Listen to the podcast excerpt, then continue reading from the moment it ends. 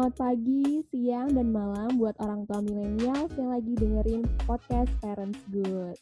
Topik dari ketiga episode ini tentang drone parenting. Apa sih drone parenting itu? Drone parenting itu pola asuh anak yang sekarang tuh orang tua membesarkan anaknya dengan cara yang bebas. Maksudnya tuh uh, dengan nggak berbeda dengan generasi yang dahulu.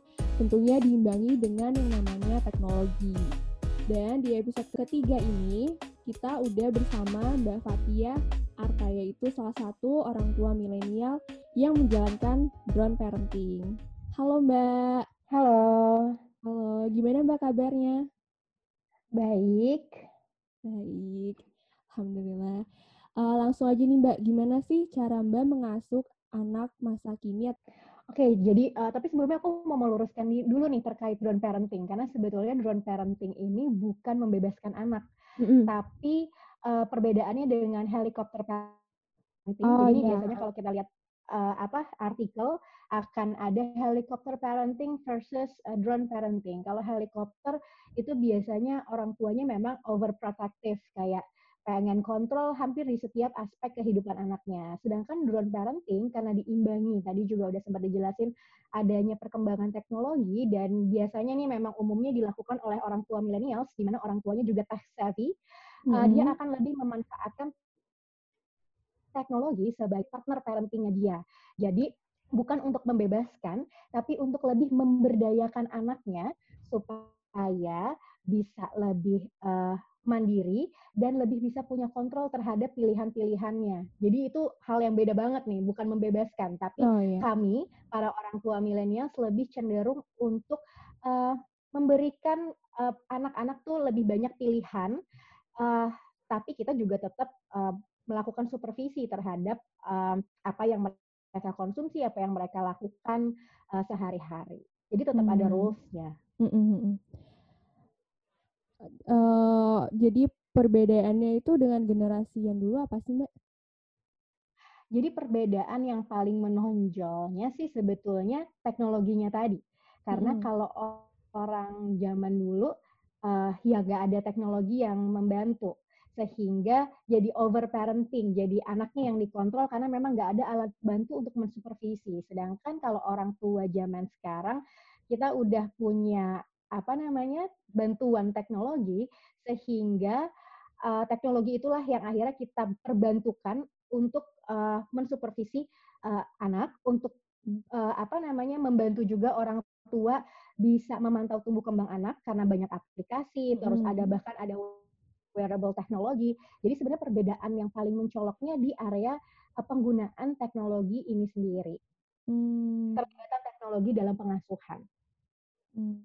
Terus nih Mbak, uh, drone parenting kan menyuruh anak untuk bebas dan memilih kegiatannya sendiri. Nah, gimana uh, Mbak itu menerapkan kepada anak Mbak? Jadi kalau aku lagi-lagi sebenarnya bukan bebas ya. Jadi oh iya, uh, aku, uh, bukan membebaskan. Banyak pilihan.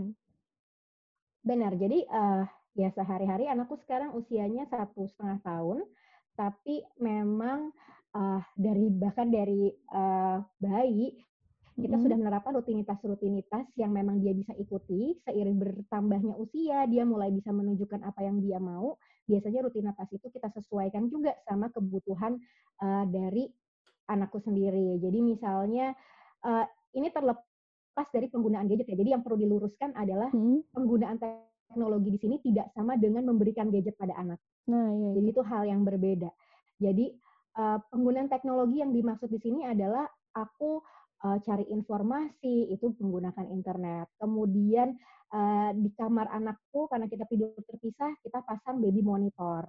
Jadi hmm. uh, apa aku tetap bisa memantau anakku, tapi anakku juga bisa tidur nyenyak di uh, di kamarnya tanpa aku bolak-balik harus uh, ngecekin anakku. Kemudian uh, penerapan uh, drone parenting lainnya di uh, area parentingku itu uh, apa namanya penggunaan aplikasi untuk memantau uh, oh ya anakku udah berapa bulan ini sebetulnya ada tahap perkembangan apa sih yang perlu dia achieve supaya aku juga sebagai orang tua bisa ngecek sudah terjadi belum ya di anakku apa ya yang mesti aku lakukan jadi memang menggunakan teknologi sebagai uh, referensi dan alat bantu untuk aku bisa berperan sebagai orang tua yang lebih baik Hmm. Lebih ke situ sih, karena anakku masih satu setengah tahun, aku juga belum memberikan gadget sama dia.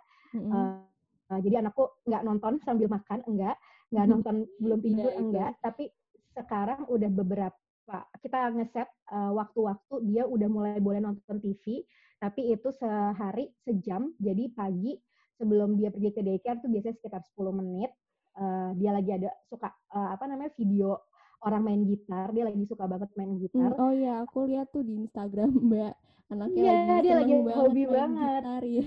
Banget, dia lagi ngefans banget sama Jason Mraz sekarang. Hmm. Jadi harus videonya Jason Mraz sebelum uh, pergi ke daycare dan pulang, itu kita kasih pilihan ke dia. Jadi kayak, oke okay, sekarang waktunya kita nonton. Alarik mau nonton apa?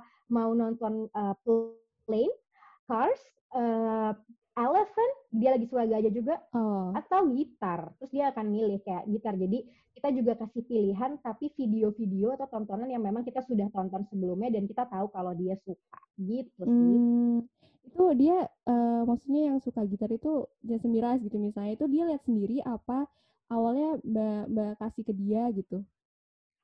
Jadi memang uh, suamiku tuh suka banget sama gitar. Hmm. Terus ada uh, pemain gitar Korea kesukaannya dia yang kita hmm. sebenarnya nggak sengaja nonton oh. uh, pas lagi ada dia juga terus dia langsung ngambil gitarnya dia main uh, gitar di depan dan dia minta kalau lagi uh, waktu uh, nonton itu nontonnya gitar gitar dan harus spesifik orang itu dan kebetulan oh. orang itu tuh sempat kayak duet sama Jason Mraz lagu I'm Yours dan ternyata anakku happy banget sama si lagu I'm Yours jadi kayak I'm Yours Jason Mraz nih kayak baby sharknya dia sekarang hmm.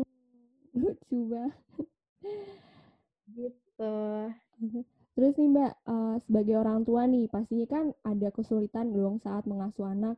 Nah, hambatan apa aja sih yang Mbak sering alami di dalam drone parenting ini? Jadi memang melibatkan teknologi dalam uh, pengasuhan atau referensi dalam mengasuh tuh juga uh, apa ya ada ups and downs-nya. Kadang-kadang ketika kita cari referensi uh, via Google hmm. atau pakai aplikasi, informasinya kadang-kadang terlalu banyak yang bikin akhirnya malah jadi pusing sendiri. Mm-hmm. Uh, kayak apa ya yang harus diterapin uh, ke anak kita. Jadi biasanya pun aku akan refer lagi setelah uh, lihat uh, apa namanya website populer, aku akan cari jurnal ilmiahnya, akan cari artikel ilmiahnya untuk memvalidasi yang mana nih artikel yang bisa aku baca. Kemudian tantangan kedua sebetulnya memang ini sih pembatasan penggunaan gadget di dekat anak itu juga hmm, lumayan tuh iya. tricky yeah. karena kayak kita sebagai orang tua jadi kayak di era milenial sebagai parents sih tantangannya juga ada namanya distracted parenting karena kita sehari-hari nggak bisa lepas dari handphone jadi kadang-kadang hmm. ketika lagi main sama anak tantangan sendiri adalah nggak lihat handphone tuh juga tantangan tersendiri itu uh, tantangannya sehingga aku dan suami pun kita buat peraturan kapan sih kita boleh pegang handphone, kapan enggak, area mana yang enggak pegang handphone, dan kapan ketika berinteraksi sama Alarik kita boleh ngintip handphone, kapan enggak boleh. Yang ketiga hmm. tantangannya juga sebetulnya uh, menjaga anak supaya juga tahu batasan penggunaan gadget. Jadi walaupun anakku belum uh, ngeliat uh, gadget layar kecil ya, uh, apa namanya handphone ataupun tablet, tapi dia sudah terbiasa dengan uh, Google Home dan TV. Dan aku sama suami ternyata nggak sadar kita sering banget manggil Google, Hey Google, what time is it now? Hey Google, oh. what's the weather oh. like? Kayak gitu-gitu. Bahkan kita uh. suka kayak Hey Google, play Jason Mraz. Nah sekarang anakku udah bisa ngomong, dia minta Google terus. Oh, gara-gara Mbak sering Google. Iya, jadi itu tantangan juga bahwa sebagai orang tua yang memang lekat sekali dengan teknologi, kita juga harus menggunakan teknologi secara mindful. Mm -hmm. Karena kita adalah model penggunaan teknologi yang sehat untuk anak kita yang lahir bahkan uh, sudah dengan kecanggihan uh, dan keterampilan teknologi yang aku baca beberapa penelitian tuh udah terberi bahkan.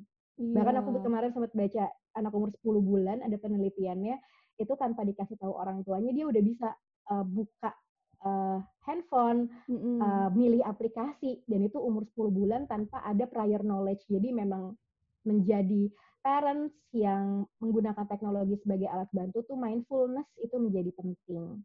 Oke, jadi emang pembatasan teknologi tuh sangat-sangat penting di drone parenting ini ya Mbak ya? Mindfulnessnya sebetulnya. Hmm, jadi kita harus lebih aware kapan sih kita um, menggunakan dan kalau kita menggunakan teknologi perilaku kayak apa sih yang kita harapkan anak kita tuh mencontoh yang perilaku kayak apa sebenarnya kita juga nggak mau anak kita melakukan itu. Hmm. Oke deh Mbak, makasih banyak ya udah sharing-sharing mengenai drone parentingnya. Sama-sama. Oke, semoga uh, keluarga sehat selalu ya Mbak. Iya, dirimu juga sehat-sehat ya. Amin. Oke, sekian dari episode 3. Terus pantengin podcast Parents Good ya. Sampai jumpa.